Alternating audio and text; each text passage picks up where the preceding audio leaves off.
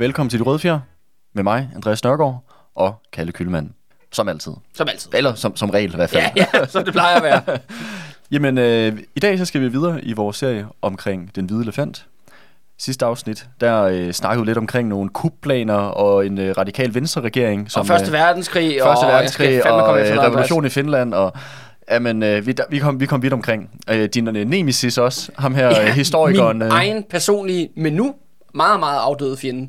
Peter Munk. Yes, for den radikale venstre Ja, men ja, må du være, ham er jeg sikker på, vi, øh, ham skal vi nok lave et indgående portræt af en anden dag, tænker jeg lidt. En gang ud i fremtiden. Men lad, lad det, ham nu ligge. Ja, så, øh, men vi skal bevæge os videre i dag. Videre fra Første Verdenskrig, og videre for, øh, fra, fra Peter Munk og, ja, øh, og resten af banden. Og resten af banden, ja. Og øh, ved du hvad, Andreas, vi er faktisk nået til øh, ja, den øh, mest interessante, mest sjoveste, mest vigtigste øh, episode i den her serie om den hvide elefant. Og det er den her episode, jeg har kaldt Det Store Bankkrak. Fordi, Andreas, der er simpelthen jubilæum. Der er 100 års jubilæum i år. Og, øh, og så tænker folk, hvad fanden er det for jubilæum? Det har der ikke hørt noget om og sådan noget ting. Ja, nej, det er simpelthen øh, noget at gøre med, at det er 100 året i år for Danmarks historiens første bailout af Danske Bank. Så Landmandsbanken, som Landmandsbanken, ja. som den hed på daværende tidspunkt. Ja. Og hvem spiller selvfølgelig en hovedrolle i disse begivenheder? Jamen det gør selvfølgelig H.N. Andersen. Desværre, øh, det er i hvert fald øh, mistet for mig. Øh, jeg har ikke set Lars Mikkelsen, og derefter stod den store tv-produktion op for at fejre det her vigtige, afgørende tidspunkt i Danmarks historien. Ja, det her bankkrak. Ja, det her store bankkrak, det er ligesom glidet fuldstændig under radaren. Og vi er endda også kommet øh, lidt for sent i gang, kan man sige, med den store jubilæumsfejring. Men I skal altså ikke stå udstået. Fordi nu skal vi simpelthen have historien om, ja, hvordan hele rådenskaben i det danske overklassesamfund var lige ved at vælte ud af Landmandsbankens arkiver og ud på gaderne, ja, sætte ild til hele lortet. Og det er selvfølgelig hvor alle vores venner, som er hovedrollen i Den Hvide Elefant, det er selvfølgelig H.N. Andersen, og det er Emil Glykstad, mm-hmm. bankdirektør i Landmandsbanken. Yes. Der er de centrale personer, og så er det selvfølgelig minister, regeringer, ja, ja. Erik Scavenius, Torvald Stavning, finde selv på flere. Alle, alle, alle de der ja. folk, som er forbundet til, ja, øh, ja. til ØK og, ja. og, og resten af eliten. Yes. Men før vi kaster os ud i den, det store bankkrank, som jeg ser som en virkelig altså stor afgørende begivenhed i mellemkrigstiden, og øh, ret interessant og øh, spændende selv for os den dag i dag, det skal vi nok komme mere ind på, hvorfor det er stadigvæk interessant og relevant i dag, øh, så skal vi lige hurtigt overstå jo kongekuppet 1920. Nå ja. Som vi efterlod det, på sidste gang. Ja. Det var faktisk det, vi snakkede om alle mulige andre kupplaner, men vi nåede aldrig rigtig faktisk at komme til Det store, kuppet. det er rigtig ja. kup, det er virkelig ja. kup. Og vil du være, Andreas, jeg har faktisk ikke tænkt mig, at vi skulle bruge særlig meget tid på det, fordi jeg, jeg vil bare gerne opfordre folk til at gå tilbage og lytte til øh, Kongekups episoden, vi lavede jo i tidernes morgen. Mm. Altså, men vi lige øh, genoprise øh, hurtigt situationen. Jamen, der sker jo så det, at ja, Christian 10 og H.N. Andersen jo sådan set har brygget og planlagt på igennem hele Første Verdenskrig, netop at gennemføre et kub mod en radikal regering. Det sker så endeligt i foråret 1920. Ja, fordi vi snakkede om, at de ligesom havde taget tilløb til det i flere omgange. Ja, men og at, de har sagt det åbent og lagt alle mulige planer. Ja, og, men at det er aldrig, ja. rigtig, det er aldrig rigtig blevet noget på grund af forskellige omstændigheder med krigen og magtbalance ja, og det ene mest, og det andet. Mest markant var det, at den radikale regering var jo pro-tysk. ja, allieret med Kejser-Tyskland, og så længe at der var et effektivt tysk generalstab med væbnede styrker, altså så, så gik man ikke ind i, øh, i det forsøg, fordi så var man bange for, at tyskerne kom. Det behøvede man ikke at være bange for i 1920, Nej. fordi Tyskland var brudt sammen i mellemtiden. Altså det er jo også det der med, det bliver også forbundet med hele det der spørgsmål med Sønderjylland og de her øh, super højre radikale, reaktionære folk øh, centreret omkring øh, Erik Witt der, vores øh, efterretningschef, som jo også sådan set, øh, øh jeg hedder, booster på og prøver ligesom at starte det kupforsøg netop med, lidt mere snævert formål, hvor at det jo handler om, at man skal, man skal have Danmark til ejderen, man skal have så meget af Sønder, altså meget af Tyskland skal indlemmes i Danmark som overhovedet muligt. Men H.N. Andersen har jo lidt en anden plan, at han vil gerne have Danmark til ejderen, men han har jo først og fremmest øjnene på sine baltiske visioner. Ja, det var det, vi snakkede om sidst. Hans vision, det var det her med, at Tysklands øh, økonomiske politiske indflydelse i øh, Østersøsområdet skulle, øh, skulle ligesom øh, neddæmpes, og så kunne Danmark ligesom træde ind i, i form af ØK selvfølgelig naturligvis, kunne træde ind og udfylde det, det magttomrum. Ja, som ØK Tyskland skulle simpelthen være en, nærmest en, en stormagt i sig selv, eller en regional stormagt i det, ja, i det baltiske det var ligesom den der vision, han havde, hvor ja. blandt andet som en, et element af det havde han jo, gik han jo endda så vidt som at øh, lege med ideen om, at hvorvidt Danmark skulle underlægge sig øh, den, øh, det britiske Commonwealth og indlemme ja. sig i det. Ja, og det var jo nogle meget ambitiøse planer, men også nogle fuldstændig vanvittige, Ja. sindssyge planer. Og en af, en af de centrale dele i den plan jo, det var jo netop også at skabe den her svage, nye holstenske kanalstat. Altså et, et tysk Panama, som jeg tror, du kaldte ja. Ja. sammenlignet med sidste Ja, ja, episode. ja. Så Det er meget godt lide. Det er meget god øh, analogi. øh, altså det her, det her tyske Panama. Og det er derfor, han jo sådan set giver det grønne lys til Christiansiner om kuppet i sidste ende. Og, og det sjove er, at det er jo alle mulige andre, der har prøvet at presse Christiantine ind til det men det er først, da H.N. Andersen, altså hans troldmand, hans Rasputin, siger, at nu altså, der, nu er der givet øh, order to go, og så er det derfra, vi kører. Men hvor så H.N. Andersen kommer jo så svingende ind, og blandt andet for ligesom øh, skubbe hele den her vidtkredsen ud af den her kubregering. Okay, Hvidt havde jo set sig selv som forsvarsminister, ja. men fordi at øh, han er ikke et H.N. Andersen-kreatur, man skal huske på, at Erik Hvidt og de her andre super reaktionære nationalister, som Jonas Kulin og andre, de ser jo også øh, H.N. Andersen som jødernes mand, hvilket vi diskuterede det er i sidste rigtigt. episode. Det er rigtigt. Vil jeg så ikke sige passet, men det er sådan, sådan, sådan Det er nogle. jo deres udsyn. Ja, ja, det er jo sådan, sådan nogle højere radikale folk. Ikke? De kan godt lide at proppe jøder ind alle mulige mærkelige steder, ikke? Øh, for at forklare for nemme, hurtige løsninger øh, hvad hedder det, på komplekse problemstillinger. Ikke? Så derfor, øh, så derfor H. Andersen, han kaster dem ligesom væk. Han nedsætter sin egen regering, og det er den her kupregering, der kommer under en fyr, der hedder Libe. Det er H. Andersens hold. For at gøre en lang Hvem, siger du, siger du, at øh, i stedet for øh, øh, mit, så er det så, at øh, Det- hun Andersen, Andersen ansætter Ja, det bliver så Christiantines personlige advokat, Okay, der hedder Otto Liebe. ja, Han bliver så statsminister i stedet for. okay. Og det er fordi, at H. Andersen har sagt, god Go, for ham, ja. god for ham, ikke? Men kommer vi til at gå ind i sådan en helt, Nej, det gør vi ikke. Fordi, hvordan det foregår, det her kup her? nej, nej, nej, men det der sker, sker jo er, at, at, øh, at Christiantine jo ligesom siger, nu er det nu, han siger til Sale, vi ses kammerat, ikke? Men det vil sige, på det, at, hvad, at han, at Frederik den 10. han udskriver valg? Chri- Christiantine. Undskyld, Christian 10. han udskriver valg, eller hvad? Hvordan, øh, hvordan Nej, men ja, ideen er, at siger, at han afsætter regeringen, han nedsætter det, der kaldes et forretningsministerium, som er et ØK, endnu en ØK-regering, som er meningen, at de skal ligesom sidde ved regeringsmagten, til der kan udskrives valg. Okay. Så sådan en form for midlertidig regering? Ja. Provisorisk regering? provisorisk regering. Det, der så sker, er jo så, at for første og eneste gang i Danmarks historie, der laver jo Socialdemokratiet og syndikalisterne, kommunisterne, jo en alliance, hvor de indkalder til generalstrække. Mm-hmm. København er jo på kogepunkt i 1920, altså vi er lige i forstadiet nærmest til en revolution. Mange hektiske begivenheder, som vi ikke har tid til at gå ind i her. Mm. Men i sidste ende, øh, og det er jo det, der så sker, er, at H. Andersen er jo den, der bliver bange for arbejderklassen. Ja. Han bliver jo bange for potentialet for en arbejderopstand. Ja. Og det er jo ret interessant, når man skal huske på hans egen baggrund. Ja, for så kommer ned fra han bunden af kommer selv samfundet. fra Ja. arbejderklassen. Ja. Oprindeligt jo. Ja. Og ham, der bliver ligesom holy fuck, da han ser alle de her arbejdere, så står, der kommer ned på Amalienborg Slottsplads hver eneste dag i en uge og råber republik, ikke? og ned med kong Christian og så videre, så videre. Fordi mm. der er jo ingen, der tænker på en Andersen. At de Nej, nej, nej, nej, arbejderne på gaden ved jo ikke, at det, det er ham, der trækker i ele- trådene. at det er den hvide elefant, der har bestemt, at, de skal, at der skal være et kupregering. Mm. De tror jo, det er Christian 10. Ja, ja. Og det er det jo så Så også, man kan men- sige, at han, han bliver ligesom også skræmt øh, af de, øh, af de øh, sociale kræfter, han, hans, øh, hans kup har udløst. Ja, og det, og af det, det her backlash, der er. Og det skal også huske på, når, altså, han har jo blandet sig i alt og alle ting. Ikke? Altså, han har jo udskiftet regering og minister i nu mange år her i 1920. Ikke? Og hver gang han har blandet sig, har der aldrig været nogen konsekvenser. Mm. Det er jo, at han har jo fået det altid. Nogle gange har de lavet nogle kompromiser frem og tilbage. Men i bund og grund har han jo altid fået det, som man gerne vil have det. Men den her gang er der altså en kraftig modreaktion. Mm. Og det er der, H.N. Andersen, Og det er jo for en ny fløj. off. Ja, det, er- ja, ja. Det er jo ikke, Ja. ja. hvad skal man sige, gamle, det gamle højre. eller Venstre for den sags skyld. Ja, for nu er det jo, nu er det jo en, en, kan man sige, en ny social øh, klasse, øh, gruppering i samfundet, som der agerer opposition til ham og hans, hans magtposition i samfundet. Altså som du sagde, syndikalisterne, kommunisterne, Socialdemokratiet, øh, arbejderklassen. Ja, øh, fagbevægelsen. Fagbevægelsen, ja. Det er ligesom, øh, det er jo også en ny modstander, han står ja. for, som der i hvert fald øh, trækker i trøjen og, øh, og, øh, og udfordrer Ja. den her, den her øh, beslutning om at, at lave den her provisoriske regering. Og H.N. Andersen, han bliver altså bange, og da han jo ligesom begynder at vakle, så vakler sjovt nok også Christian 10. Han får simpelthen kolde fødder, og Stavning er jo altid villig til et lækkert kompromis med magthaverne i samfundet, og derfor bliver jo generalstrækken aflyst i sidste øjeblik. Mm. Hvor så faktisk syndikalisterne prøver så faktisk at køre den videre, men er jo så isoleret fra resten af arbejderklassen, ja. og bliver så, ja, nedkæmpet. Ja, knust, Af, ja. knust af politiet. Øh, og, øh, Ja, det kan du også have den ja. der kamp, kampen øh, om øh, Grønnegade, eller Er det i den øh, forbindelse også? Øh, nej, det tror nej, nej, det, du tænker på slaget på Grøn, på Ja. Grøntorvet. Det var i 1918. Det var altså lige Nå, lidt før. ja, det er rigtigt, ja. Det her, det foregår faktisk på øh, Kongens Nytorv, hvor blandt andet politiet, de skyder ind i, i en demonstration Okay. med, med håndvåben. Ja. Så, ja, så meget dramatiske begivenheder. Hvis det ligesom, når røgen, krudtrøgen har lagt sig, så er syndikalisterne, de har gået øh, ligesom alene i kamp, blevet smadret. Socialdemokratiet øh, har ligesom fået, øh, fået gennemført, at bliver indsat en anden forretningsregering. Altså den her Libe-regering går af efter kun ja, de der 10 dage, eller hvad det var.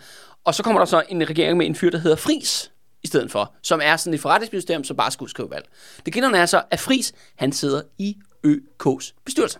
Okay, så det er stadig... Så vi, skift, ja, så vi skifter en H.N. Andersen-regering ud med en anden H.N. Andersen-regering. Ja, Så han får jo sin vilje mm, stadig væk. ja, men den her regering, i stedet for at sidde, sidde, sidde på regeringsmagten, indtil der bliver et nyvalg, sagde du ikke så, at deres, deres øh, funktion er, at de skal udskrive valg, Ja, den her jo. frisregering? Så Jo. de sidder der vel ikke lang tid? Nej, nej, nej, de sidder også kun en uge. Ja. Altså, det, det virker jo som en sejr for arbejderklassen, man ligesom har slået kongens kup tilbage. Den der reaktionære regering af, hvad hedder det, adelige folk og højesteretsadvokater og hvad det nu ellers er, de går af, og så kom, men så kommer der bare sådan en ØK, endnu et ØK-outfit, altså H.N. Andersen-kreaturer. Ja, endnu en gang. Ja, kommer ind, udskriver et valg.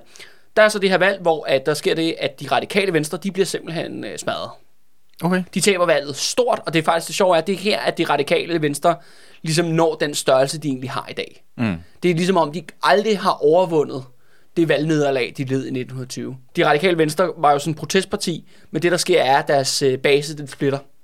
Så, så det vil sige, at alle husmænd, eller dem, de er fo- folk ud fra landet, de er blevet radikaliseret af den her proces, så de går til Socialdemokraterne Ja, i stedet for. Og de kommer aldrig tilbage. nej.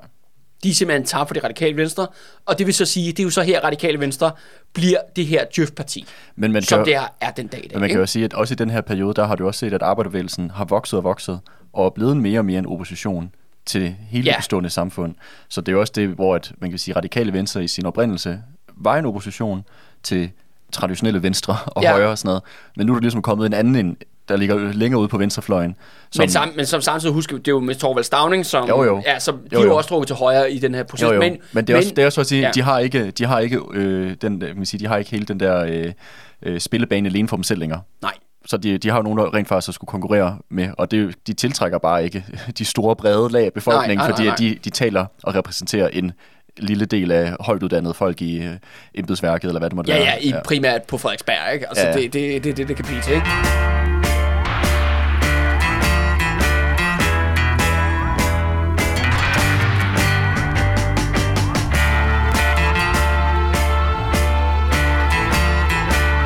Men, øh, men det betyder så, at på trods af, at Socialdemokratiet går frem, og øh, ja, det radikalt går tilbage, at der kan faktisk blive dannet en venstreregering. Og den her venstreregering, den er ledet af en fyr fra Venstre, sådan en venstre-veteran, der hedder Nils Nærgaard. Og det er netop med den her regering, som er de første år, altså fra 1920 til 1924, at H.N. Andersens magt, den bliver grotesk. Det her er den simpelthen den svage, en af de svageste regeringer i Danmarks historie. Hvem sagde du, der den er regering? Det er en fyr, der hedder Nils Nergård. Ja. Han er sådan en, han har været i Venstre for evigt mm. på det tidspunkt. Altså det er ligesom, nå, ved du hvad, øh, hvem er har stadigvæk? Det er din tur, Nils. Ja. det, det, det er lidt sådan, det blev, ikke? Ja, ja. Han er en svag min, altså statsminister. Ja. for det første. Og det betyder, at H.N. Andersen har jo altid haft kontrol med de her regeringer, men den her situation bliver det grotesk. De begynder også at, ligesom at sive ud til offentligheden, hvad der foregår. Fordi at Niels Nergård, og det er sådan noget med H.N. Andersen, han stopper med at komme på Christiansborg. Det er Niels Nergård, der kommer til ØK's lokaler. Mm-hmm. Og bliver set, og alle ministerne bliver set uden for en øh, lokaler, eller de sidder og venter på at komme ind og sådan nogle ting. Okay, så det, det- det, altså, det er den samme situation, som den altid har været nu Den er i bare så over 10 år. Men nu er det bare ligesom om, at de lige skruer en takt mere op. Ikke? Mm. Det bliver lidt mere grotesk. Så på den kan man sige, den her, den her øh, skygge position, som øh, H.N. Andersen har, det bliver ligesom mere og mere udstillet i offentligheden, hvordan magtfordeling reelt set er Ja. op, i, op i samfundets øvre lag. Men det er også noget, når de mødes, altså når regeringen, den her venstre regering, de mødes i statsministeriet. Der sidder jo Niels, Ne- øh, Niels Nergård, han sidder selvfølgelig for bordenden, ligesom Mette Frederiksen gør i dag. Men det er sådan her, at når de skal tage nogen som helst beslutninger, jamen så, øh, så ringer man altså lige over til ØK. Mm. Så det er jo noget, alle ministerne, nu har kan man sige, alle de her, mini, alle de her regeringer, der har været, har jo alle sammen skulle leve med H.N. Andersens magt i skyggerne, men nu bliver det sådan, de er handlingslammede. Mm. De kan ikke tage nogle beslutninger uden hans godkendelse. Mm-hmm. Og især meget markant er det med en øh, fyr, der er landbrugsminister Ja. i, i den her regering. Han hedder Thomas Madsen Mygdal. Og han har simpelthen fået et gods af H.N. Andersen. Okay, Han har det er jo fået, noget af en han, han har fået en herregård, som H.N. Andersen har købt til ham kontant. Ved du hvad, prøv, man har jo hørt omkring sådan nogen som øh, Lars Lykke og andre, der har fået nogle, øh, nogle, øh, nogle gaver og ting og sager af folk fra erhvervslivet. Men jeg synes da godt nok, at han skulle have været bedre til at forhandle øh, Ja. de der politikere i dag. Hvis det er, hvis det er sådan noget ting, man kan få hele herregårde. Ja, altså, ja, men det kunne så kun kostet 400.000 kroner i, i daværende Ja, ja, ja, ja. øh, 1900 Men hvad, hvad var det, Lars Lykke, han fik lov til at bruge en eller anden af de der fiskekvotekonger, så hans sommerhus eller et eller andet. Ja, ja. Altså, det er, men, men han havde simpelthen, han fik et gods, der hed de, må få, de, må have, de må få nogen til at hjælpe med at forhandle. Der er ikke andet for. Ja, ja. Men altså, så han får simpelthen et gods ham her. Og ham her, Thomas Madsen Mygdal, det sjove er jo, han er jo så H.N. Andersen-kreaturet over alle H.N. Andersen-kreaturerne. Lad mig sige det sådan. Men han, internt i regeringen bliver han også beskrevet, at han er, hvad hedder det, H.N. Andersens femte kolonnemand i regeringen. Men problemet er bare sådan, jamen hele regeringen er H.N. Andersens femte kolonne. Det giver jo ikke nogen mening at sige. Men, det- men det skal bare siges, at, at det, altså, så de beskriver det Altså, er, hvor, hvor tæt de er bundet op på ham, jamen, og i lommerne på ham. Sådan som de her møder bliver præsenteret i litteraturen, mm. altså i deres erindringer, de her politikere, venstrepolitikere sidder i den regering. Det er sådan her, at du sidder med en svag statsminister, som ikke tør at tage nogle beslutninger, som siger, æbæ, bu, under de her møder, og samtidig, så hver gang, at de ligesom, okay, skal vi gøre det her, eller det her, hvad det nu end er, og så rejser Thomas, My, Thomas Madsen Mygdal og siger lige, jeg skal lige ringe. Mm-hmm. Eller, fordi der er jo, altså ØK og Christiansborg er jo inden for en tæt god afstand. Jo, jo. Ved du hvad, Jeg smutter lige fem minutter. Ja. Altså, det er sådan, den her regering fu- fungerer. okay. Og det er jo også det med de radikale, som var der før jo, har jo også skulle leve med H.N. Andersen, men det har aldrig ligesom... Kommet dertil. Ja, ja, de, de følte jo i hvert fald ikke, at de skulle komme og kysse ham i røven hele tiden. Nej, nej. Men det er også det, vi snakkede om sidste afsnit, at den her radikale venstreregering også havde en større grad af selvstændighed. Hvor at vi nu ser, at det er en helt anden situation med den her venstreregering, som virker til, at er jo i meget, meget, meget kort snor. Ja, Eller faktisk så kort snor, den sidder på skødet af ham. ja lige, lige vil sige. Det skal også siges, det er heller ikke en særlig god regering på nogen som helst måde. Den løber ind i en masse kriser. Men den første krise, den handler faktisk om, da, om regeringens udenrigsminister, som er faktisk en mand, H.N. Andersen har godkendt, men som fortryder sig. Nå, Og det er en fyr, der hedder Harald Skavenius. okay. Skavenius, han er simpelthen fætter til Erik Skavenius, mm-hmm. som er jo den her adslægt, som har ja, udklækket mange diplomater mm. i Danmarks historie. Så det vil sige, at ja, Erik der, han gik jo så ind i Radikale Venstre og blev udenrigsminister. Harald Skavenius har været ambassadør i Tsar-Rusland slash Sovjetunionen. Ja. Han er en virkelig interessant herre. Han har fortjent sin egen episode en dag, Andreas. Lad mig bare sige det sådan her, at jeg har ham jo mistænkt for, at han er en del af det her øh, morforsøg på øh, Vladimir Lenin i sommeren 1918.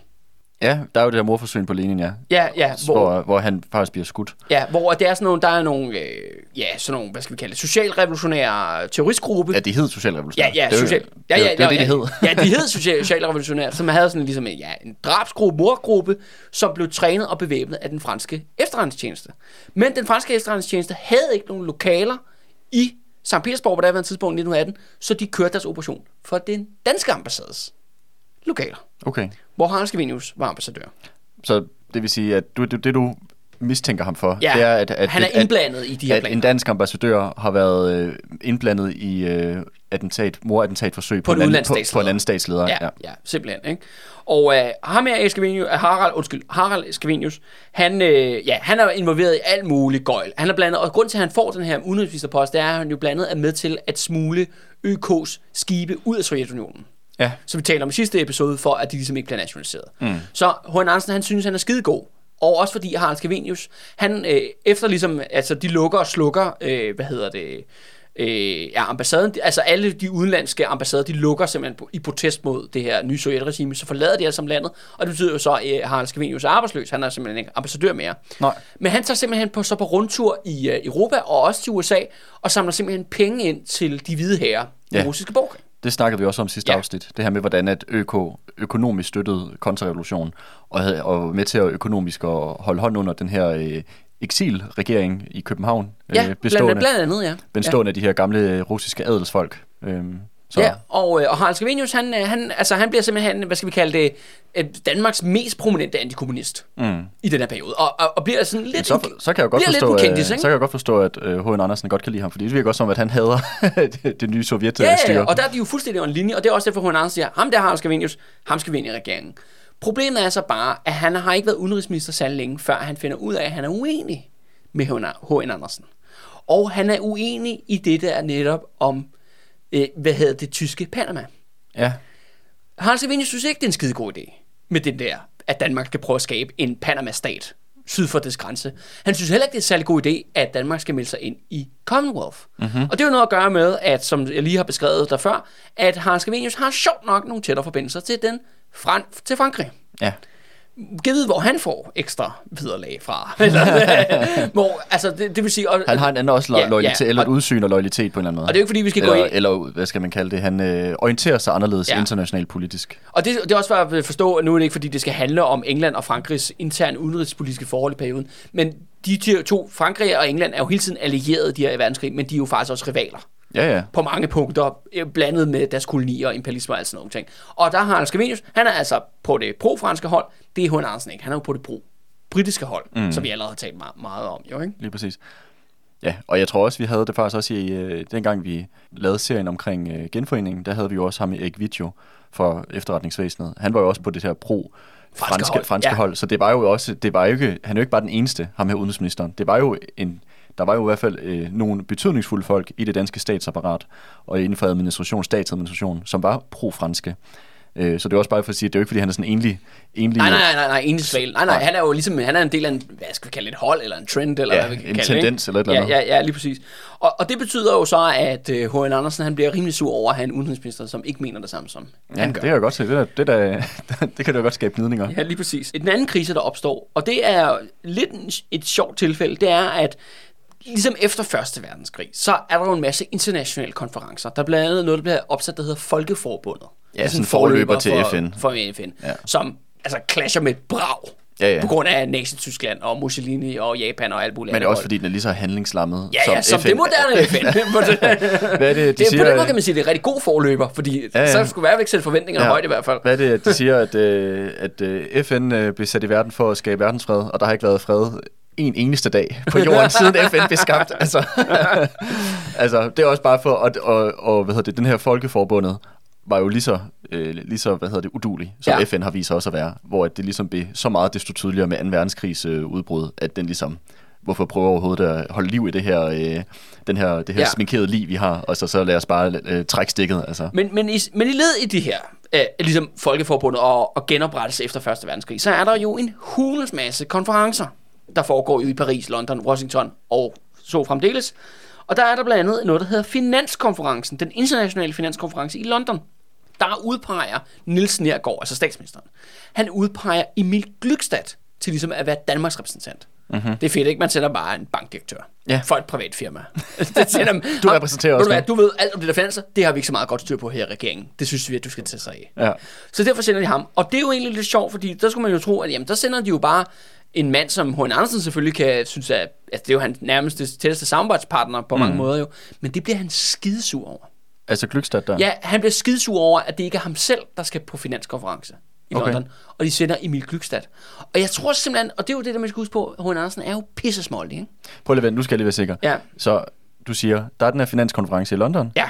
Og det bliver Emil Glykstad, der bliver sendt afsted. Ja, regeringen udpeger ham. ja og H.N. Andersen er sur over, det ikke er Ham selv. selv. Ja, okay. Okay, jeg er ikke sådan sikker på, hvorfor er det, han bliver så sur over det. Måske er det noget at gøre med, at det jo så, fordi man skal huske på, at H.N. Andersen har jo været Danmarks ekstra udenrigsminister mm. under hele Første Verdenskrig. Altså, Jeg tror, at regeringen har udpeget Emil Glykstad, fordi at de mener, at de gør H.N. Andersen en tjeneste.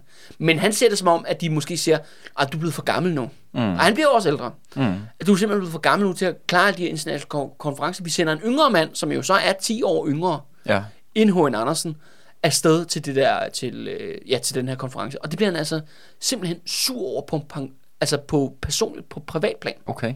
H.N. Andersen er jo en super smålig øh, karakter, og hvis du træder ham over fødderne, even so ever slightly, mm. så bærer han af, ikke? Mm. og så opererer han efter hævn. Og det skal jeg lige love dig for, Andreas.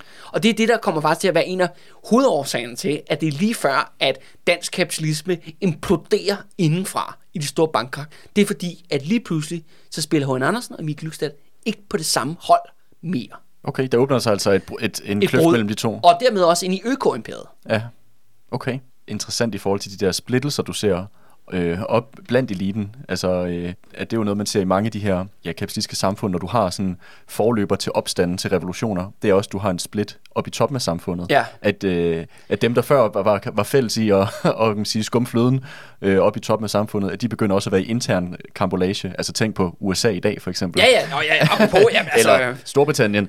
Hør, Der er bare- du, er, du er preaching to the choir, hvis, øh, altså, jeg, jeg har allerede sat penge på en amerikansk borgerkrig, ikke? men, eller revolution. ja, eller revolution, ja. Men, men det er mere for at sige det der med, at det er ligesom også, det er også et forvarsel ofte omkring det her med, med sociale opstande og andet. Det, og Men det er sjovt, det er jo, men lige den her, altså vores konkrete mm. historie her, det er jo egentlig meget sådan som et perfidt personspørgsmål. Eller er det? Mm. Jeg tror måske, det handler lidt om, at H.N. Andersen ser, at nu der er måske en ny mand, der er i gang med ligesom at indtage hans skyggediktatorplads. Og det er simpelthen, han ser simpelthen Emil Glykstad, han ikke længere har kontrollen over Emil Glykstad, som han havde. Da Isak Glykstad, altså Emils Faren, far, ja. døde, så var det klart, at der var ligesom H.N. Andersen, der overtog den absolute magt Ledende- og kontrol rolle, ja. med dansk erhvervsliv. Ja. Men nu er der simpelthen Emil Glykstad, deres stjerner er ligesom lige høje. Mm. Og det er derfor måske Niels Nergård, som tænker, jamen jeg gør jo bare, hvad H.N. Andersen siger, jeg gør bare, hvad ØK siger. Men Emil Glykstad er jo en del af det outfit. Jamen hvorfor ikke ham? Det er også ham, der arbejder med finanser, og den anden er jo en, en lollik, som ikke har nogen uddannelse inden for finans. og så vidt jeg kan huske, heller ikke har haft en særlig god historie med økonomi mm. internt i sit firma. Mm. Måske giver det bedre mening at sende ham fra Landmandsbanken. Ja. Selvom ja. man kan så sige, at det er jo så super fucked, at man bare sender en fra et privat firma. Men Jo, jo, men, jeg, folk- men, folk det, men ikke? det er rigtigt nok, det kan jo godt være, at det er det rationale, der har lagt til grund for det. Ja. Altså, at man har set på øh, kvalifikationerne og kundskaberne og vurderet, at det er også fejl. måske er et bedre, et bedre bet.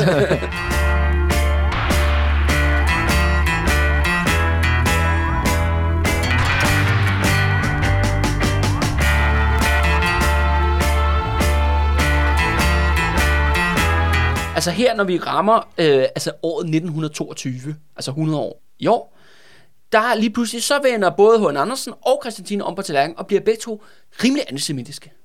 Ja, Uden blå luft. Og det er ret sjovt, fordi sådan har de jo faktisk ikke været tidligere. nej. Der har de faktisk været utrolig, hvad skal vi kalde det, liberale, large, omfavnende. Mm-hmm. Over, over for den Tolerante. Her, tolerante over for den her religiøse minoritet.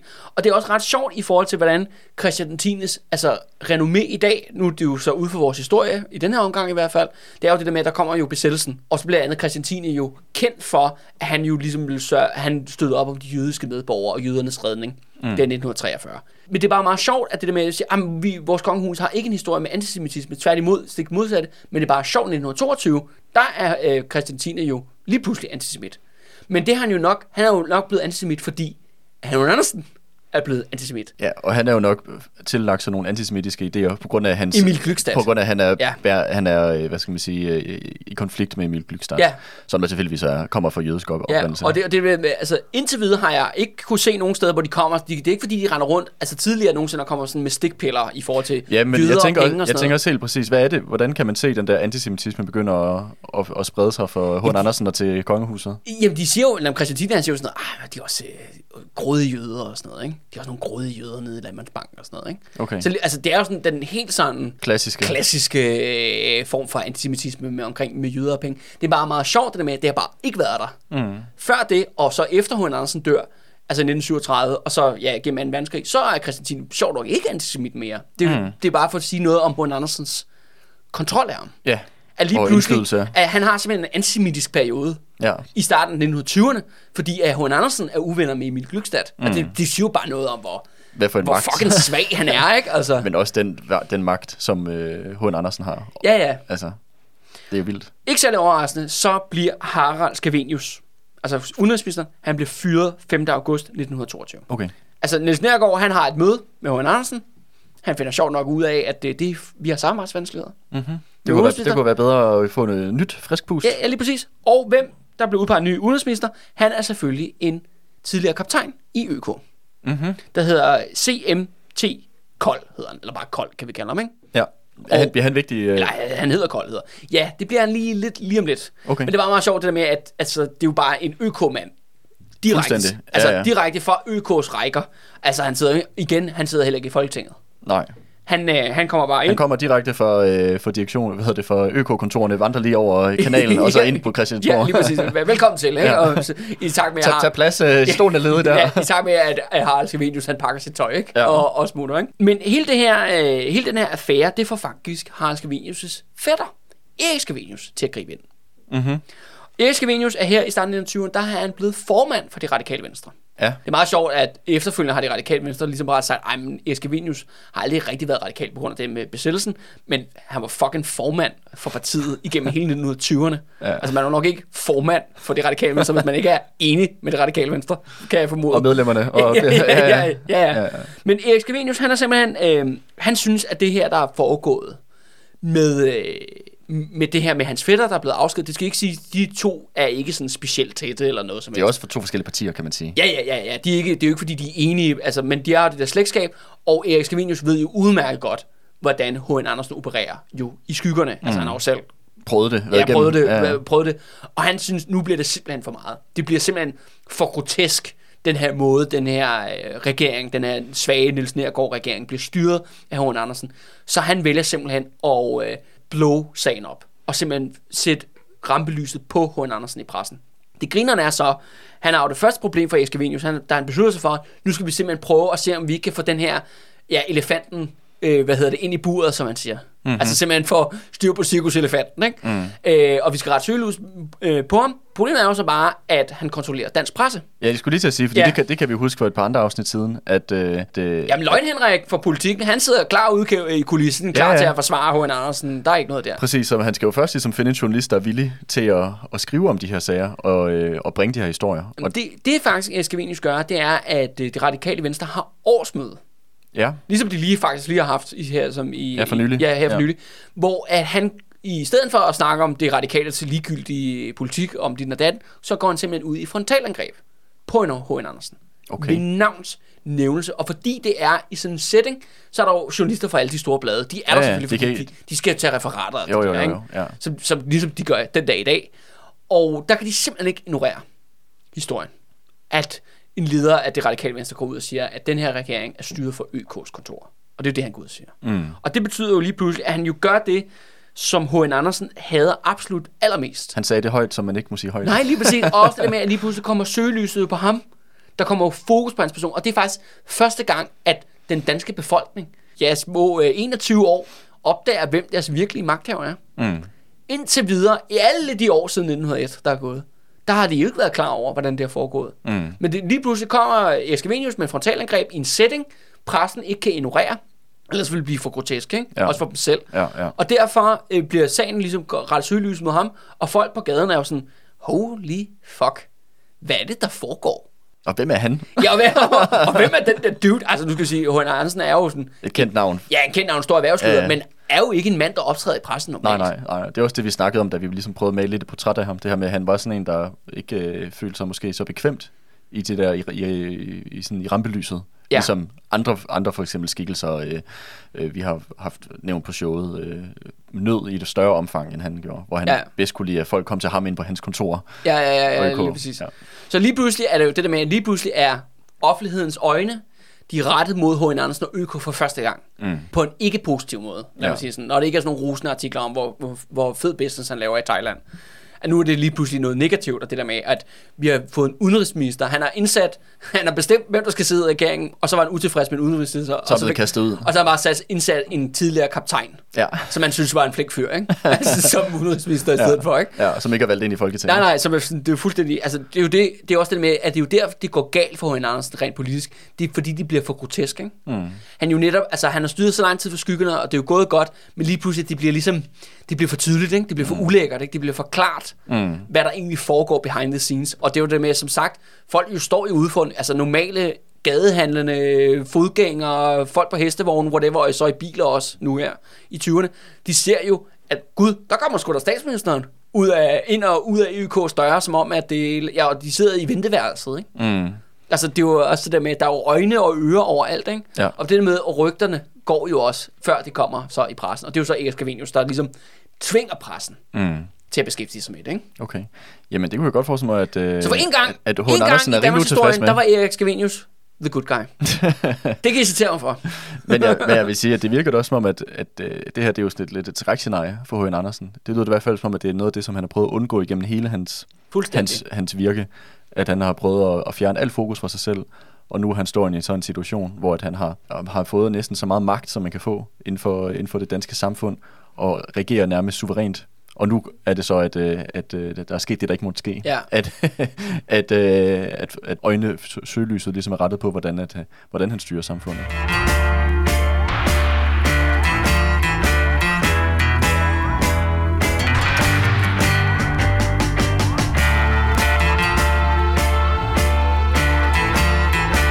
Og, øh, og mens så ligesom, han har offentlighedens opmærksomhed, så sker der også en anden ting, som er sådan lidt, lidt uheldig. Det er, at Hun Andersen, han øh, også her i 1922, der skifter han holdning til Sovjetunionen. Før har han jo været fuldstændig på det hvide hold, totalt boykot. Øh, de kommunistiske ledere, de skal myrdes, de skal afsættes, gamle zar Rusland skal sættes tilbage, og så videre. Og det blev andet, så det var også grunden til, at han jo har fundet enkedronning, enkesarina Dagmars øh, slot Hvide Øre mm. øh, op på Strandvejen. Men 1922, der er han lidt sådan, ej, jeg vil sgu egentlig godt have min gamle Ruslands business tilbage. Det får han så aldrig, Nej. skal lige siges, sjovt nok. Men det tror han, bilder han sig selv ind, at det kan han i 1922. Så derfor, så vipper han Dagmar og alle de der russer ud af Danmark. Nå. Han trækker simpelthen øh, stikket på hele det projekt. De jo så siddet der nogle år på det her tidspunkt. Ja. Han trækker simpelthen projektet hen over en eftermiddag, og så Dagmar og alle hendes kosakker og alle de her russere. Prinser og, og ja, godser, ja, ja, det må ja, være. alle de adelsfolk, som jo fyldt op København jo. I den, der, I den der periode lige efter 1. verdenskrig og lige der starten i 20'erne, jamen de må simpelthen pakke deres harpengud og tage alle til London. Nå. Fordi det er det, alle gode kongehus kommer for at dø jo. Ja. Det er jo netop i, i de, hos, hos det britiske kongehus. Ikke? Ja. Det er det, ligesom de alle sammen ender i sidste ende. Øh, jeg må se, om vores eget kongehus ender derovre en dag. Men, øh, Man kan lov håbe. men, øh, men det, det grinerne er, fordi hun Andersen siger, ej, jeg vil egentlig godt lave noget business med russerne, og i hvert fald gerne normalisere relationen. Han har jo stadigvæk baltiske visioner, skal vi huske på. Og, det, og, så må, og det er også lidt sjovt det med, at han har jo støttet op og holdt hånden under hende der Dagmar, som for gammel venskabs skyld, ikke? Altså, det har været lidt den dur. Men nu, hvor hans øh, forretningsinteresser har ændret sig, så rører hun bare under bussen. Hmm. Så, så gode venner var de åbenbart heller ikke. Nej. Eller så meget elskede han åbenbart heller ikke Safmen. Det synes jeg bare er en lille sjov øh, Ja, ja. anekdote. Altså, det, det er jo meget udramatisk. De får bare at vide, ja, men du hvad, for den næste måned, så er der altså ikke øh, mere gas Lu- i der er Der er ikke mere gas i fyret Ja. næste måned. Ja. Og så pakker hun altså, og alle de der, øh, ja, russer og kosakker, hvad det nu ellers er, de pakker deres harpengud, ikke? Og så er det den næste båd til, til London. Meget udramatisk. Mm. Men øh, det er bare meget sjovt. Det er også en, en, en ting, der sker. Ja, men det, siger jo, altså, det er jo på den måde en, en, ja, en anekdote omkring hans, øh, hans måde at, at lede på. Det er jo også nogle rimelig usympatiske folk. Det er, Ja, det, ja, det, er ikke, det er jo ikke, fordi jeg har ondt af dem. men det siger også meget... Nå, det siger, er du mener hvad, jødehadende Dagmar, altså den danske prinsesse? men, jeg synes, men, det, Sarina dronningen, ikke? men det siger også noget det der med, hvordan at han, han ligesom øh, vil kan vende på en tallerken. Og folk, som ellers han har brugt, og brugt som et... Hvad skal man sige, han har jo brugt dem. Ja, Altså, ja, ja, 100 procent. At de ligesom bare bliver kastet ud han, ja, jamen, det er også det, men altså, De har optjent deres nytte. Ja, ja, og det er også det med, at når, så længe han var committed til det her antikommunistiske korstog, så var det jo en god idé ligesom at have den sidste levende zar med øh, medlem af zarfamilien boende til, ej, hvor er det synd for Dagmar, hun bor på det her slot, og det skal vi nok betale for. Og så lige den dag, når ej, ved du hvad, vi vil gerne have business med Sovjetunionen, så rører hun ud. Mm. Og, alle, og alle de der eksilrussere, hun har omkring sig, de rører også ud. Mm. Det er bare meget sjovt, ikke? Altså, og det sker også i 1922. Men apropos det der med Rusland, fordi som, som, som vi allerede ved jo, ØK har jo netop været dybt involveret i Tsar-Rusland from the get-go. Det er selvfølgelig tabt med den russiske revolution. Men hele det her ØK, altså business i Rusland, har også trukket Landmandsbanken dybt ind i den russiske økonomi. Mm-hmm. Og så har Emil Glykstad, det har ikke været hans far, det er Emil Glykstad, der blandt andet før 1. verdenskrig har investeret rigtig, rigtig hårdt i den russiske militærindustri. Ja.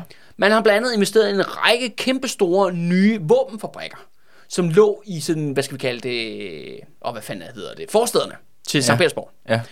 De her fabrikker, de bliver sjovt nok nationaliseret mm-hmm. af kommunisterne. Det kunne man jo regne med.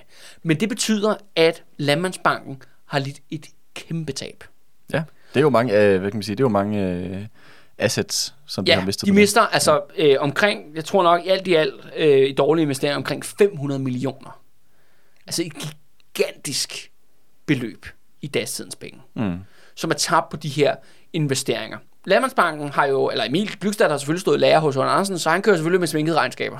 Mm. Og derfor går den også i nogle år, på trods af, altså bolsjevikerne kommer jo ind i 1918 og gør det her, men det er først i 1922, altså nogle år efter, mm. at nu begynder banken at være så presset, mm. at der skal til at ske et eller andet omkring det her. Apropos de der investeringer der, er det, er det øh, den der våbenindustri, var det noget, hvor du så fik produceret våben i Rusland for så at få, få sendt det til Danmark eller blive solgt på verdensmarkedet, eller var det for at, at forsyne den sar, øh, sar russiske her med våben? Det er jo SAR russiske her. Det er sådan noget maskingevær og, og rifler og Ja. sådan noget hånd, øh, håndvåben, vidt jeg har forstået i hvert fald. Ja. ikke? Så det er Øh, også- ammunition. Ja, ja, men det er også det, så, lad, så også bare lige for at forstå, hvad det så er for en form for businessmodel, de kører. Ja, det her ja, ja. Landesbanken, så de, de kører en model, hvor de investerer i at producere våben, I det andet, som, i diktaturstat. som der bliver Ja. brugt til at, at så undertrykke. Ja, og føre krig for, at føre ikke? krig for. Ja. Det er nok mest reaktionære regime, der var i hele Europa på det tidspunkt. Ja, ja. Jeg vil sige, det er også, vi skal også lige huske, hvad, eller jeg synes også, det er også meget godt lige at have den nuance med, hvad er det for nogle former for, øh, for øh, er ikke bare- dirty, dirty business deals, som øh, Landesbanken Det er jo var ikke, det er jo ikke en, hvad hedder det, det er jo ikke en, en sød våbenfabrik. ja, det eksisterer der ikke så mange af. Nej, nej. Men, men, ja, men det er også bare lige for at sige, altså, hvad, er det, hvad er ligesom forholdet mellem de her, den danske finansverden og det sejrske Rusland? Altså, at Ja. det var det er jo ikke noget skønt billede, der maler sig. Altså, Nej. tværtimod. Men det er også fordi, altså for Emil Glückstadt før Første Verdenskrig, der har det jo virket som den absolut sikreste investering nogensinde. Fordi det ved vi jo fra H.N. Andersen, og hvad der skete med ØK og russerne og sådan nogle ting, at russerne var jo villige til at hjælpe ham til at overpriser. Mm. Det vil sige, hans russiske firma var jo tæt på at kollapse. Han lavede, jo selv ved at blive fuldstændig smadret der omkring i starten af 1900-tallet. Men russerne kommer jo ind og simpelthen hjælper ham jo også på statsniveau. Ja, ja. Og derfor siger han, det er jo en helt sikker investering at investere i russisk øh, våbenindustri, fordi den russiske regering eller zarfamilie skal jo nok 100% garantere, at vi kommer til at tjene rigtig mange penge på det her. Mm. De blev alle sammen overrasket over den russiske revolution. Mm. Det er de sgu ikke lige regnet med. Det stod sgu ikke i øh, deres... Øh, Horoskoper. pro- Ja, ja, ja, eller prognoser. Ikke? Altså, de, de, på den måde bliver de jo taget på sengen, mm. at det her kunne finde sted i 1917. Det er jo bare lidt sjovt i forhold til, mange siger, at alt med den her revolution, det kan man jo se, man kunne se det i kortet lang tid forvejen og sådan nogle ting, men det kunne de altså ikke. Mm. Altså, de blev virkelig, holy fuck, hvem er, hvem er ham der Lenin, og hvad har han gang i? Og lige pludselig, så har man ikke nogen våbenfabrik mere. Mm. Og så er man jo, og det skal også sige, at de her fabrikker, de nåede lige at stå færdige omkring 1. verdenskrig start, så de var spritnye. Okay. Og så det er også at sige, de har heller ikke fået nogen, og så på grund af krigen, de ikke- de ikke- de af ikke krigen fået har de dækket heller ikke deres omkostninger heller. Ja, nej, Ja. så de har, ikke, de har investeret en masse, De har ikke tjent sig selv hjem. og de har, ikke- og de har, ikke, og de har ikke fået nogen afdrag på det heller. Mm. Fordi så kom krigen, og russerne siger, I får pengene efter krigen. Ja. Men så, bada bing, bada bum, 1917, Ja. så skal der en hel masse. Ikke? Yes. Okay, jamen øh, det lyder utrolig kritisk for øh, Landmandsbanken. Men det har de jo så holdt låg på. Ja. Altså, de kører sminkeregnskaber, der er 8% til aktionærerne, og alting kører øh, skide godt. Men historien begynder at gå om, at det ser helt af helvede til ud inde i Landmandsbanken, inde i Landmandsbankens rigtige regnskaber. Og så skal man så samtidig huske på, at Emil Glykstad og H.N. Andersen har et dårligt forhold til hinanden nu. De samarbejder ikke mere, de taler simpelthen, de, det skal jo sige, at hver deres kontor, de kan jo se ind i hinandens kontor, på hver deres etage, der på den der plads, der er mellem Landmandsbanken og, og ØK, ikke? Men altså, jeg ved ikke, de har trukket gardinerne for, eller, eller hvad, de snakker i hvert fald ikke sammen. Og Emil Glykstad føler jo også, fordi at H.N. Andersen, ja, han har vendt kongen mod ham, og selvfølgelig regeringen mod ham, og han føler sig mere og mere isoleret. Og også det der med den der antisemitisme, den lige pludselig bliver udtalt into his face. Og det gør simpelthen, at Emil Glykstad, han ligesom allierer sig med den anden store, prominente, ja, jødiske advokat på daværende tidspunkt. Det er ham, der hedder David C. Øh, L. David, som er mest kendt i dag for, at han har lavet Davids Samling, som er et øh, ganske fint museum, man kan gå ind og se på i dag. Men han var altså en meget, meget højt profileret advokat, men også jøde. Og i den her situation, der er David og Emil Glykstad, de er sådan, ved du hvad, holy shit, nu kommer de kraftedeme med, med efter jøderne. Vi bliver nødt til at holde sammen os to. Mm. Vi kæmper lidt, altså både for vores liv som forretningsmænd, men også lidt for vores øh, Men, minoritetsgruppe. men, ja, men det kan godt mærke, at der er lidt øh, et fjendtligt... Jamen det er jo det med, det får en giftig, det får ja. en giftig brød lige pludselig, ikke? Jo, jo, ja. Der er et fjendtligt klima. Øh, så, så, Så man kan sige, på den måde, de er ligesom naturlige allierede. Eller de finder hinanden i en naturlig Ja. alliance, fordi de mærker det her, den her pres for resten af erhvervslivet. Ja, og de kender hinanden godt. Altså, de Ja. har sådan, altså, øh, David er Emil Skylstads personlige advokat. Mm. Og er den dyreste advokat Ja, ja. i Danmark på den tid. Og ham her, David, han går simpelthen til regeringen og siger, at øh, Landmandsbanken har brug for hjælp. Den har simpelthen brug for en bailout. Og her kommer vi så til 100-året for, for bailouten, ikke? At øh, de skal simpelthen øh, ja, have noget hjælp. En ligesom- hjælpepakke. Ja, og det er også det med, at Landmandsbanken er den største bank i Skandinavien. Der er så mange ting, der kan ramle, mm. hvis den her bank den går nedenom hjem. Og der er de jo meget hurtige i Niels Nergård regeringen. Jamen, den er selvfølgelig too big to fail. Mm. Øh, den, øh, Men ØK har vel stadig også mange, hvad skal man sige, sammenfaldende hvad hedder det, økonomiske interesser med Landmandsbanken i, i kraft af, at de to har også været så sammenflettet Ja, i ja, lang tid. Så 100%, en, en 100%. ting er, at, at øh, øh, hvad hedder det, H.N. Andersen, at han måske har et had til, øh, til Glykstad, men han er jo heller ikke inter- interesseret i, at banken krakker af sin egen økonomiske overlevelse, Ja. fordi at de to er bundet sammen. Emil Glykstad og David, de mødes jo selvfølgelig med Niels Nergård og nogle andre ministre i regeringen, og har hemmelige møder. Det er ikke noget, der kommer ud til pressen endnu, skal siges. Alting foregår ligesom hemmeligt. I kulissen. Men inden til de her møder, der siger Emil Glykstad og David meget klart til de ledende på de danske politikere, at hvis de ikke hjælper Landmandsbanken, så vil Emil Glykstad simpelthen få dansk kapitalisme til at kollapse indenfra. Hvis vi ryger ned, så ryger I alle sammen med. Okay, det var noget, Han sætter altså en lat pistol på bordet. på bordet og siger bare, hvis vi skal ned, så trækker vi jer alle sammen ned med jer, på baggrund af den information, vi har på jer. Mm. Og det er jo så det. Så han, han Hele... er jo en eller anden form for sådan blackmailing. Hele eliten har jo en lille konto i Landmandsbanken. Mm. Og det er det, han tror med. Ja. Den her information, der er her. At For regeringen, de nedsætter, ikke særlig overraskende, de nedsætter selvfølgelig en kommission. Mm-hmm. Men en hemmelig kommission, en bankkommission, som skal begynde at sige, at vi, vi vil hjælpe Landmandsbanken, men vi bliver også nødt til at have et overblik. Hvor meget er der tabt, og, og så videre, så videre. Så den her bank begynder også at arbejde i hemmelighed, og begynder at gennemrode de her dokumenter. Altså den her kommission her. Ja, Ja. men det sjove er, at den her kommission har ikke adgang til Landmandsbankens arkiver. Hvad har de så adgang til? Jamen, det der sker så, at David eller Emil Glykstad, de kommer forbi en gang imellem med en lille bunke, Okay. og siger, I skulle prøve at læse det her. Prøv lige at kigge i den her, de her kontos her.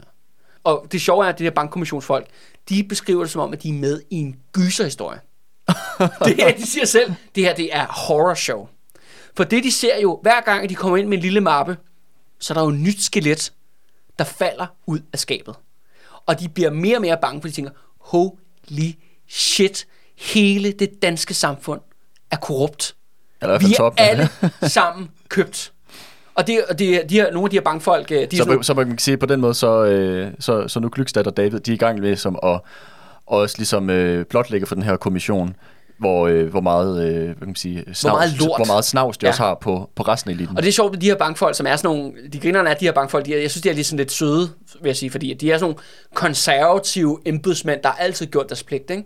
Og for dem at se virkeligheden, Mm. for det system, og i hvert fald de personer, som præsenterer systemet, for dem er det simpelthen en Rystende. rystende. Altså, de er rystet i deres grundvold. Fordi alt det, de har haft tillid til, det viser sig lige pludselig, det er løgn og latin hele lortet fra toppen til bunden. Og de her embedsmænd, som er sådan nogle, de er blevet udpeget, fordi de er sådan nogle ærlige, gode arbejdere, sådan nogle, der har virkelig gjort en indsats, ikke? og som har et uplettet renommé, og som ikke er, en, som ikke er i noget. Mm. De er ikke korrupte selv. Mm. Og derfor er de bare sådan, hvad, hvad, hvad er det her? Mm. Hvad er det her, vi sidder med? Ikke?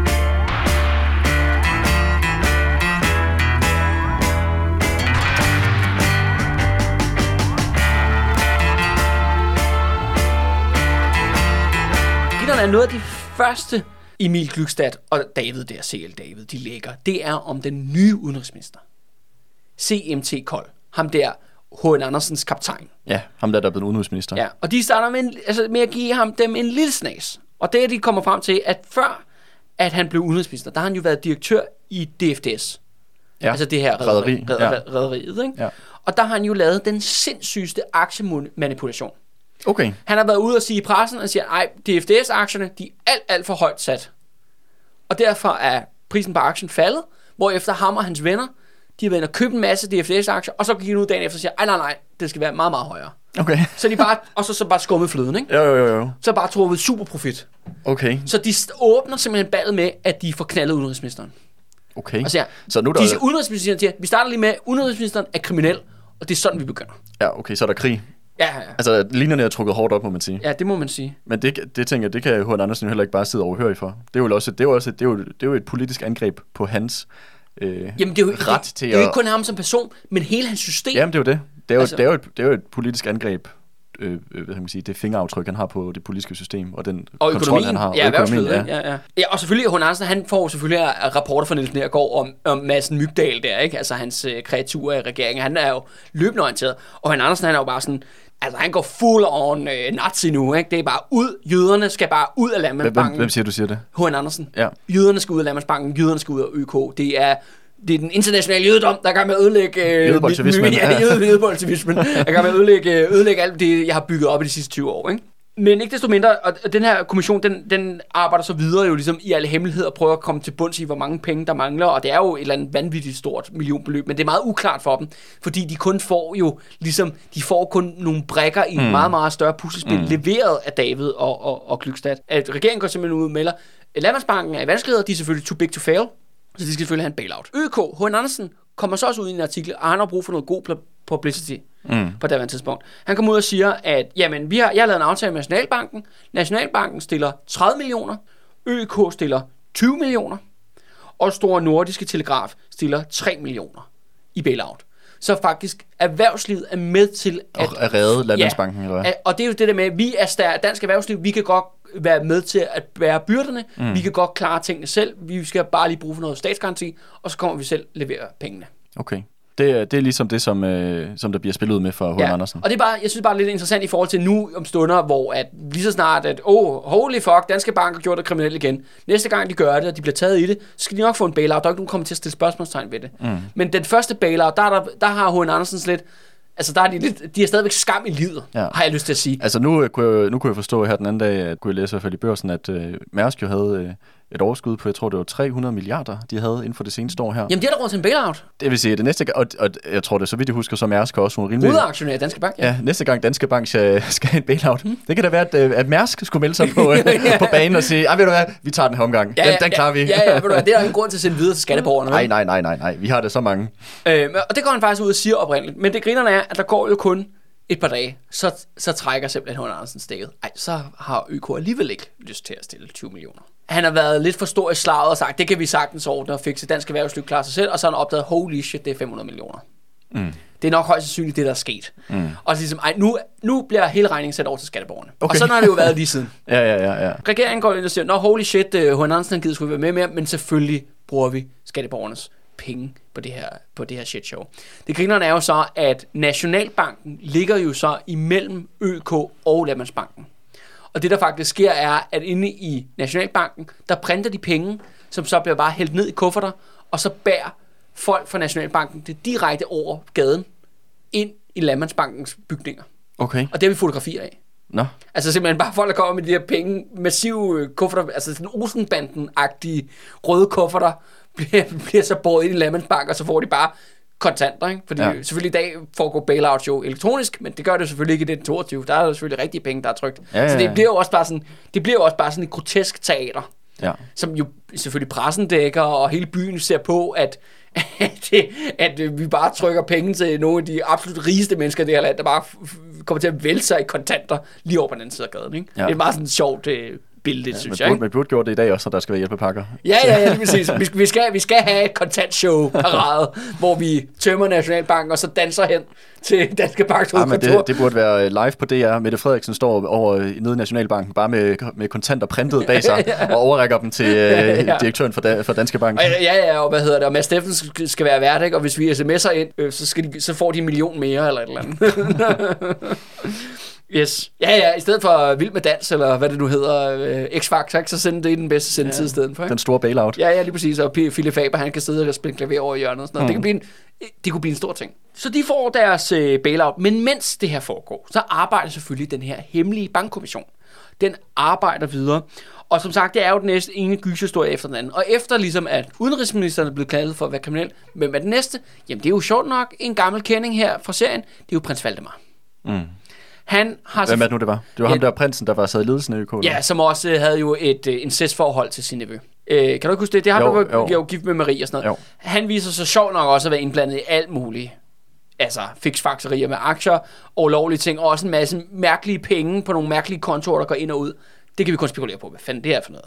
Mm. Men der er tydeligvis noget på færre. Det næste i rækken, hvor at David og Glykstad ligesom giver information, det er selvfølgelig hofmarskallen. Okay. Han viser sig også at være ja, rimelig råden, ikke? Ja, så det vil sige, at de ligesom, lige nu der angriber de så kongehuset. Ja. Ja. Men derfra går de videre, og så tager de faktisk Hirsprungsfamilien, som er tobaksindustrifolk. Det er blandt andet dem, der har... Øh, hirsprungse samling, er det godt? Ja, jo, det er dem, der har fundet Krøyer, da jeg snakkede om Ja. Krøyer-episode sidste Men år. de har da også et museum, den hirsprungse samling. Ja, men ja. de viser sig også at være involveret i alt muligt gøjl mm. i, gennem Landmandsbanken. Og meget interessant er at vise sig også, at formanden for Nationalbanken er også med. Nå, okay. på de her, de, de, ligesom, de kommer med, ikke? ja. Jo længere tid de arbejder, jo større horror show bliver det, som de selv siger. Det viser jo så, at kongefamilien, minister, politikere i Folketinget, diplomater, ambassadører, departementchefer, erhvervsledere, er alle sammen med på den her liste. Så, så det, det er dem alle sammen. Så det er ligesom alle de her, øh, hvad kan man kalde det, øh, rygende pistoler i forhold til, at de øh, til korruption og andre ja. svindel og andre ting og sager, som de ligesom udleverer de her beviser for. Ja, også øh, ikke særlig overraskende, hvem kommer også, også til at optræde bare en lille, en lille, hvad hedder det, throwback til noget, vi har lavet tidligere. Selvfølgelig dukker Torvald Stavlings navn også op mm. i, i de her papirer, sammen med en række andre ledende socialdemokrater, er også præsenteret på nogle mærkelige kontos med nogle mærkelige forbindelser. Ja. ja. Det skal så siges jo, Andreas, at vi kommer aldrig til bunds i det her. Det, der er blevet udgivet, det, den information, jeg har her, er fra en dagbog, en af de her folk, der sad i den her bankkommission, skrev og som blev indleveret til Rigsarkivet efter hans død. Men kommissionsarbejde, det bliver simpelthen stoppet der. Så vi kan ikke se, gå tilbage og se dokumenterne igen. Okay. Fordi det, der sker, er, at kommissionen, de medlemmerne, de, kan simpelthen, de aftaler simpelthen internt, at vi stopper simpelthen arbejdet. Fordi, fordi konsekvenserne er for store? Fordi konsekvenserne er for store, fordi hvis vi nogensinde publicerer det her, så vil det føre til en revolution. Det er det, de siger. Altså anno 1922. Konsekvenserne ved, at det her nogensinde bliver offentligt, er for store. Og de her er jo alle sammen mænd af systemet. Ja, man kan sige, at det er i hvert fald noget legitimitetsbrist, som, som hele samfundsstrukturen vil lide, hvis det kom frem på den måde, at at, at hele, alle institutioner, om det var øh, politi- politiske institutioner, øh, kirken, eller hvad hedder det nu, øh, ja. øh, kongehuset, erhvervslivet, hvis det alle sammen var fuldstændig tilsølet i korruption, og her er alle beviserne. Ja, ja, ja, ja. altså det, det er selvfølgelig, det vil gøre, at, øh, at tilliden og legitimiteten i systemet vil, øh, vil selvfølgelig blive rystet ret gevaldigt. Ja, og det er derfor, de stopper. De er simpelthen bange for konsekvenserne. Så de stopper kommissionsarbejdet, og derfor så pakker de alt det, de har arbejdet med tidligere, det pakker de ned, og så, af, og så lader de det ligge inde i Landmandsbanken. Okay. Og der ligger det den dag i dag. Hvis det altså ikke er blevet destrueret i mellemtiden. I 1986, altså mange, mange år senere, der er der stadigvæk, han lever stadigvæk, øh, men han er, øh, ja, han er jo snart 100 jo efterhånden, der er der en kendt dansk historiker, der hedder Søren Mørk, som jo prøvede egentlig at få adgang til arkivet i 1986, efter at han blev inviteret til middag af Danske Banks direktør, som prøvede at intimidere ham til ikke at skrive en historiebog om det her. Okay. Det vil sige, at det her arkiv er der ingen, der har adgang til i dag. Jeg har ikke mulighed. Jeg kan ikke komme derind. Altså, jeg kan slet ikke komme derind. Men ingen gang, altså velrenommerede, højt betalte statshistorikere på universitetet, ingen har adgang til det her arkiv, som stadigvæk ligger inde i Danske Banks bygninger. Og som der indeholder dokumenter fra som den her, indeholder den, den her, her bankkommissionsredegørelse, ja. og de her dokumentmapper, som David og Glückstadt, Emil Glückstadt afleveret til kommissionen. Mm-hmm. Og alt det andet materiale. Jeg tror umiddelbart, altså jeg vil, det vil ikke undre mig, hvis det destruerede det mm. på et eller andet tidspunkt i løbet af de år, der er gået siden 86. Mm. Men arkivet fandtes stadigvæk i 86. Okay. Det, kan, det var ligesom det Søren Mørk, han, han kunne dokumentere. Ja. Og det synes jeg bare er meget sjovt. Vi kommer aldrig til bunds i det store bankkrak, Andreas. Vi kommer aldrig til at ikke se... Før, ikke før vi med, vil jeg lige sige, nærmest sige, med magt har, har, har, brudt, har brudt øh, døren til, øh, ja, til ja. pengeskabet ind. Altså. Ja, ja. Altså, det er bare for at sige, at det her, det fortsætter. Det er ikke en afsluttet historie, faktisk. Mm. Fordi at der er ikke øh, erhvervs... Øh, så som Danske Bank, behøver ikke at aflevere deres arkiver til, øh, til Rigsarkivet eller til noget offentlige, offentlige instanser. Det er deres eget arkiv. Og hvis de nægter adgang, der er, og det er jo det der med, at der er jo ingen, der har set det siden 1922, højst mm. sandsynligt. Det er bare meget sjovt, at noget, der er 100 år nu, det er 100 år, det har jubilæum i år. Det er stadigvæk en hemmelighed. Hvem var alle navnene på kontisene? Hvad var det egentlig, der gemte sig Altså, hvad var det, der var så frygteligt og beskidt? For en ting var noget aktiemanipulation og mm. nogle korruptionsvedtægter her og der og sådan noget. Ikke? For eksempel, der viser så også, at der var en radikal minister, der hed hvor Brandes, han fik så åbenbart betalt kørepenge af ØK. Det var også noget, kommissionen fandt frem til. Og det kommissionen er kommet ud med i de her dagbøger, som er blevet udgivet mange år, eller ligesom kom til offentlighedens øh, søg, altså kom i offentlighedens søgelys mange år efter, at det jo kun sådan små anekdoter, det er ikke et helhedsbillede, hverken af bestemte personer, konsis eller firmaer, det er kun sådan nogle små stikprøver, mm. som Emil Glykstad og David har fået dem med for ligesom at se, prøve at se, hvad vi har. Ja, vi har en tikkende bombe, ikke? Vi mm. har den her håndgranat, og vi har trukket splitten, ikke? Ja. Giv os alle, giv os alle øh, skatteborgens penge, ellers så, så nakker vi jer, ikke? Øh, det, det, det er det, de har gjort, ikke? Og det synes jeg bare, det er virkelig interessant og fascinerende, at det her, det er altså stadigvæk en hemmelighed. Mm. Det er... I Danmark, den dag i dag, ja. her 100 år Men jeg vil sige selv, en ting er, at hvis der er et eller andet enormt stort og fældende. Men selv med alle de ting, du bare har nævnt nu, som de her dagbøger beskæftiger sig med, hvis det ligesom kommer ud sort på hvidt, hvordan at sige, toppen af, det er selvfølgelig 100 år siden. Men Ja, det, er ja, de men er jo alle mange, sammen, de er alle sammen døde jo. men ikke? mange af Altså. de her institutioner eksisterer jo stadig. Ja, ja, ja. Øh, om det er øh, hvad kan vi sige, monarkiet, eller om det er Socialdemokratiet, eller om det er øh, hvad hedder det, folk, folk inden for forretningslivet med, med virksomheder, der stadig eksisterer den dag i dag, eller politiske partier eller andet. På den måde, så, er, så lever vi jo stadig med mange af de her institutioner, som tydeligvis har været fuldstændig søllet ind og har, i alle mulige former for svindel og korruption og sådan noget. Og man kan sige, hvis det kommer frem i søgelyset, så det kommer jo også til at stille spørgsmålstegn ved, hvordan er det så, de agerer i den dag i dag? det, kunne jo godt, det kunne jo godt være noget, der, Ja, men der altså- gjorde, at man begyndte at kigge lidt, lidt, uh, lidt mere er med også og lys og lygte og lupen. hvis, altså. hvis man kunne få adgang til, ja, bare Danske Banks normale transaktioner, den, altså bare mm. i går for eksempel, ikke? Hvad, hvad skete der i går inde i Danske Bank, ikke? Ja, ja. Jo. ja eller nu, har, nu, nu, kan vi jo, nu kan vi sidde og gøre lidt grin med for eksempel Lars Lykke og kvotekongerne og alle de der ting, men altså, der er jo nogle gange, der kommer de der, ja, nu er der de der sager med, hvad det nu han hedder, ham med ministeren, der har øh, bespist øh, alle mulige mærkelige mennesker for, øh, for Ja, skattekronernes Rasmus penge. Ja, ja, ja, ja. altså, som jo tydeligvis har en rimelig omfældig omgang med hans øh, ministerkort. Jamen, det var Øh, kort. fordi, jamen, altså, vi har jo så en minister, som ikke engang kan varetage at have et kort. Altså, Ja. et ministerkort, det kan han ikke varetage. Det blev taget fra ham jo, ikke? Ja, fordi han er for inkompetent. og har, og har inviteret folk til, til middag, og, øh, og så er blevet påbudt, at han skal informere om, hvem er det, han har bespist for skattekroner, skatteydernes penge, og så skrevet journalister på, som du så efter ud, ud og, og sige, det, jeg har aldrig spist med ham, jeg har ikke været til den her middag. Og sådan, hvem fuck er det, han inviterer til middag for mine penge? Altså, ja, vi kan afsløre, at det er hverken dig eller mig. Eller er det, er det dig, Andreas, der har været ude og spise med Rasmus Prehn?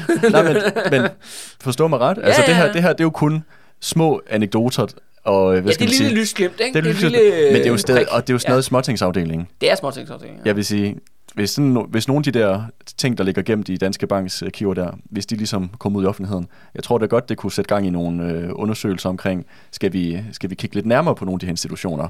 Og jeg tænker, der, der gemmer sig nok nogle grimme ting øh, faktisk- som ikke bare er noget, der hører til fortiden, men også noget til nutiden. Noget, der sker med en af de her embedsmænd, som har været med i den her bankkommission. Altså, han er sådan en pæn konservativ, spidsborgerlig, været medlem af Højre, eller konservativ i mange år og sådan noget. Han mister simpelthen fuldstændig tilliden til dansk system. Så det han faktisk efterfølgende gør, er, at han holder sådan nogle studieaftener, hvor han inviterer unge øh, kommunistiske jurastuderende med til middag hos ham selv, hvor han så begynder at lægge kommissionsarbejderartikler til dem. Okay. Og det vil sige lige pludselig, at det skal sige, at Kommunistpartiet er jo meget, meget ungt og Ja, et ja. lille parti Ja. på det tidspunkt. Ikke kun nogle få tusind medlemmer på landsplan. Men deres blad, som hedder Arbejderbladet på det tidspunkt, de har bare den ene sensationshistorie efter den anden i, et, i et års tid efterfølgende øh, i 1922. Fordi ham her, den konserv, han er jo ikke kommunist, vel? Nej, nej, nej, nej. Men han er bare, han er, han er, Indigneret. Han er horrified Ja, ja. at det ikke har nogen konsekvenser, at det viser sig, at hele systemet, hele maskinen er dybt korrupt mm. og kriminel. ja. Og derfor lægger han så oplysninger til de kommunister. Men hvor så Socialdemokraterne, de andre, de det er jo bare nogle rabiate kommunister jo. Ja, ja. Ude. Det skal man ikke tage seriøst. De, Nej, nej. de lyver. De lyver i deres avis, ikke? ja. Men sjovt. Altså, det er jo meget, meget griner, at han ligesom går i den, går i den ekstrem, eller Jamen, i den ja, retning. Jamen, han øh, har simpelthen, øh, det har slået, altså han, ja, han, altså hans samvittighed, tror jeg. Ja, Altså simpelthen ikke kunne, kunne ikke leve med det. nej. de her historier, der så kommer ud i Arbejderbladet, og, og samtidig det faktum, som regeringen jo også går ud og siger, at vi giver dem en bailout. På, de starter med at sige 100 millioner, og så derfra så kører den. Ikke? Og det, de, alt i alt, så, så afskriver man selvfølgelig også noget internt i banken, men i sidste ende siger man, det er et, omkring det her tab på omkring 500 millioner, mm. som så staten går ind og dækker. Noget af det i hvert fald. Ikke? Og, øh, og det fører så til, at der simpelthen kommer jo et stort retsligt, altså ligesom i offentligheden, om at der skal, det her skal konsekvenser, og det skal føre så for eksempel til en retssag i 1923. Og rigtig, rigtig grineren er, Erik Scavenius, som jo på sin vis er jo manden, der egentlig er med til at starte hele det her forløb. Ikke? Han går ud og siger, han har et citat her, som jeg synes er altså klasse, Andreas. Det er en af de bedste citater i Danmarks historie. På trods af, at det er sagt af en af de store skurke i Danmarks historie, men det gør det ikke desto mindre meget rigtigt. Erik Scavenius, han sagde i relation til den her retssag, en mand over bord, og alt kan gå videre som før, blot med andre statister i rollerne. Hvis det derimod var ingen forbrydelse, altså ingen forbryder, så havde det været systemet, det var galt med. Mm-hmm. Så det vil sige, der er jo en person, der skal udpeges, Der skal tage skraldet. der skal tage skrald, der skal være den kriminelle. Fordi ellers, hvis der ikke var nogen sådan person, som var kriminel, som var den kriminelle Ja, mastermind, så- så var det systemet. Så systemet. Og Ja. det er jo, så han rammer jo bare hovedet på sømmet. Ja, ja. Og gæt, hvem der bliver udpeget til at være syndebukken. Jeg kan afsløre, at det er en, som kommer i en synagoge. Det er selvfølgelig Emil Er det Glückstadt? Glückstadt, Ja. der bliver udpeget til, at han skal være ham, der skal tage skraldet. Så han bliver altså simpelthen øh, fængslet. Der bliver sat en retssag op øh, David går selvfølgelig ind og være hans øh, advokat Forsvar. og for, forsvar. Under hele det her forløb, så er, bliver Emil Glykstad syg. Han får brok. Og øh, meget belejligt, vil jeg sige, uden at virke for konspiratorisk, men meget belejligt, så dør Emil Glykstad på operationsbordet på kommunehospitalet 14 dage før der falder dom i retssagen. Okay. Timingen er upåklagelig. Det er ja, den 23. juni 1923. Ikke? Hmm. Altså, jeg har aldrig haft brok selv, men så vidt jeg har forstået, så er det jo ikke, fordi det er noget øh, sådan kritisk, og noget, der er forholdsvis let at behandle, af, hvad jeg har forstået. det Nej, som. jamen altså selvfølgelig, det er 100 år siden, så, Ja, ja. så det skal man måske Det er jo selvfølgelig også, det er jo selvfølgelig i dag. Men altså, øh, jeg, jeg, jeg vil bare sige, det kunne være virkelig interessant, og hvis der er nogen, der kunne kigge på den lægejournal, fordi den må jo have efterladt sig et spor i, i et arkiv, altså på en eller anden måde, altså i forhold til hospitalsvæsenet, ikke? For der har været en overlæge, der er jo nogen, der har været ansvarlig for den her operation, der er nogen, der gennemført den operation. Men det er jo bare sådan lidt, han er syg, han bliver opereret, han dør, og de siger selv, at det er en dramatisk operation. Det står der så i pressen dagen efter. Okay. At hospitalet udtaler, dramatisk operation går galt, Emil Glykstad dør, han bliver selvfølgelig dømt guilty as hell, Mm, så han tager men, ligesom det- skraldet for alt. Ja, ja. Alting bliver læst over på ham, men han er jo også nem jo. Han er væk. Fordi han er død. Ja, ja. Og sjovt nok, med hans død, så øh, David, altså, he backs the fuck down. Der kommer ikke flere spændende leaks, Mm, altså ud af Landmandsbanks arkivet. mm. Så Og det er jo der med, og det er jo det med, at det her arkiv er jo så, ligger jo så, hvis det stadigvæk findes, ligger det jo lukket inde i Danske Banks bygninger mm. den dag i dag. Så man kan sige, at med Emil Glykstads død, så dør også hele den her, øh, de, den her sag med de her øh, svindel og korruption i toppen af samfundet, og det ligesom bliver et lukket kapitel. Fuldstændig. Efterfølgende, altså nogle år senere i 1928, der udpeger H.N. Andersen, han, fordi hvem sidder tilbage, som stadigvæk som med magten og pengene og alt det der i hænder, det gør H.N. Andersen stadigvæk. Han udpeger en ung Arnold Mærsk til at være den nye formand i Landmandsbanken, Mm. som kort efterfølgende skifter navn til den Danske. Danske, Bank. Ja. Nu er det jo sådan der, og det er jo så en ting, som også har været gennemgående i pressen jo, og især den højreorienterede del af den, det er jo, at det er jo der jøderne i Landmandsbank. Det er en jøde, der er skyldig. Han får hele skylden. Landmandsbank, og det har altid været en jødebank og sådan noget. Det er sådan noget, de skriver i pressen. Og det virker også som om, at H.N. Andersen selv har været med til at, at, Ja, ja. Ja, ja, ja, og, og, og ja, ja. hælde vand, jeg ved, Så- det, så- hælde så vand den her- den mølle. Så den her, altså det er også, altså det er også en, det er også en, en hets Mm. mod en, en religiøs minoritet. Mm. Så det der med jøder og bankens krise og alting bliver koblet sammen i en stor pærevælling. Og det gør simpelthen, at Arnold Mærsk han siger, ved du hvad, Landmandsbanken har brug for en ny start. Rebranding. Rebranding. Og hvad er mere dansk end en landmand? Jamen det er selvfølgelig en dansker. Så den skal bank. ja. Og, og det, var, det griner meget. Det er grund til, at altså, oprindeligt Isak Glykstad, han valgte jo at kalde det Landmandsbanken, fordi uh, vi kan jo ikke kalde det den, den københavnske jødebank. Det lyder ikke så godt. Hvad er det mest danske, man kunne komme på der i, i 1871, eller, hvor, der, hvor, eller 72, der hvor banken er fra? 73, tror jeg nok.